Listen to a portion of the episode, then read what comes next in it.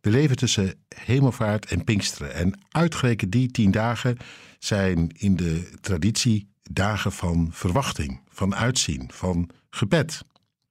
En dat heeft te maken met de opdracht die Jezus zelf ooit aan zijn leerlingen gaf voordat hij ging. Dat ze in Jeruzalem moesten blijven en uh, al biddend de geest moesten verwachten. Dat die over hen komen zou. En dat ze zodoende er zelf helemaal in betrokken zouden worden in dat van Jezus, maar ook getuigen zouden kunnen zijn. Te beginnen in Jeruzalem en vervolgens uh, ja, wereldwijd. Heel mooi dat dit jaar er ook een gerichte actie is. Thy Kingdom Come. Misschien heb je er wel van gehoord. Waarin je wordt aanbevolen om juist deze tien dagen vijf mensen in gedachten te nemen die Jezus uh, niet kennen. En van wie jij hoopt dat ze wel zo met Hem vertrouwd raken dat ze zich aan Hem gewonnen geven. Tien dagen voor hen in gebed. Als je het echt doet, ontdek je ook dat het soms een klus kan zijn. Toch net iets minder gemakkelijk dan het lijkt. De discipelen, de volgelingen van Jezus, hebben het destijds gedaan, die opdracht bedoel ik. Die opdracht die Jezus hen gegeven had. We lezen ervan in Handelingen 1, het dertiende en het veertiende vers. Nadat ze zijn teruggekeerd, zo staat er, naar Jeruzalem. Toen ze in de stad waren aangekomen, gingen ze naar het bovenvertrek, waar ze verblijf hielden. Petrus en Johannes, Jacobus en Andreas, Filippus en Thomas, Bartholomeus en Matthäus, Jacobus, de zoon van Alfeus, en Simon de Zeloot en Judas, de zoon van Jacobus. Eensgezind wijden zij zich aan het gebed. Prachtig je wijden aan het gebed. Even de andere dingen laten voor wat ze zijn. Even helemaal toegewijd zijn aan dat wat is beloofd en toegezegd en waarnaar je naar uitziet en wat je verlangt. Wat natuurlijk ook het verschil zou maken voor hen.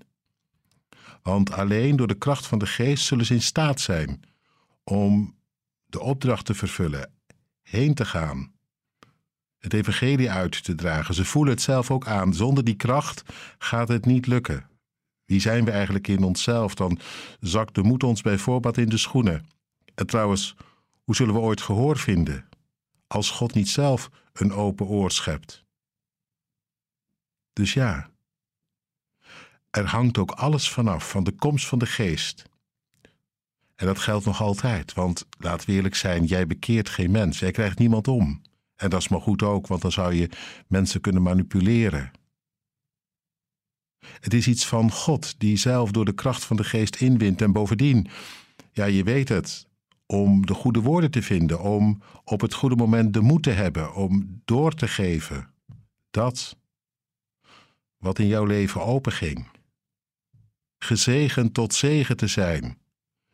Dat is ingewikkelder dan het op het eerste gehoor lijkt. Het lijkt voor de hand te liggen dat als je hart er vol van is, dat je mond ervan overloopt. Maar je weet maar al te goed dat hoe voor de hand liggend dat ook is, het toch niet vanzelf gaat. Vandaar dat gebed. Toen, daar, hier en nu. Tien dagen lang. Het gebed om de geest. Tien dagen lang. Nou ja, dat is natuurlijk zo voorbij. Tien dagen, wees eerlijk. Ga tien dagen op vakantie. Ze vliegen om die dagen, toch? Maar tien dagen in gebed is soms ook wel gedoe. Na de derde, vierde, vijfde dag begin je zomaar te denken: schiet dit wel op? Helpt dit wel? Heb je een week gebeden, zeven dagen lang, en dan is er nog niks gebeurd?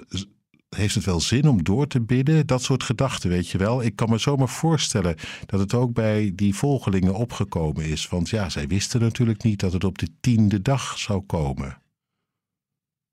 Dus hoe lang gaat dat nog duren? Soms is bidden om de geest ook echt een kwestie van volharden. Het is beloofd, maar je krijgt het niet zomaar cadeau, zou je kunnen zeggen. Door een druk op de knop, door een muntje in de automaat. Het is en blijft iets van God. We hebben Hem niet in de hand, maar leven uit zijn hand, uit dat wat Hij heeft gezegd en uit dat wat Hij schenkt. Maar wie volhardt, hem eraan houdt, die zal het van hem hebben. Dat blijkt. Allemaal, stuk voor stuk, geen één uitgezonderd. Al die namen kwamen even voorbij. Hele bekende discipelen, die altijd tegenkomt en die, bij wie je ook wel een beeld hebt, en ook wat minder bekende. Er is geen verschil. Ze worden allemaal even rijk bedeeld. Prachtig is dat, veelbelovend, ook voor jou en voor mij.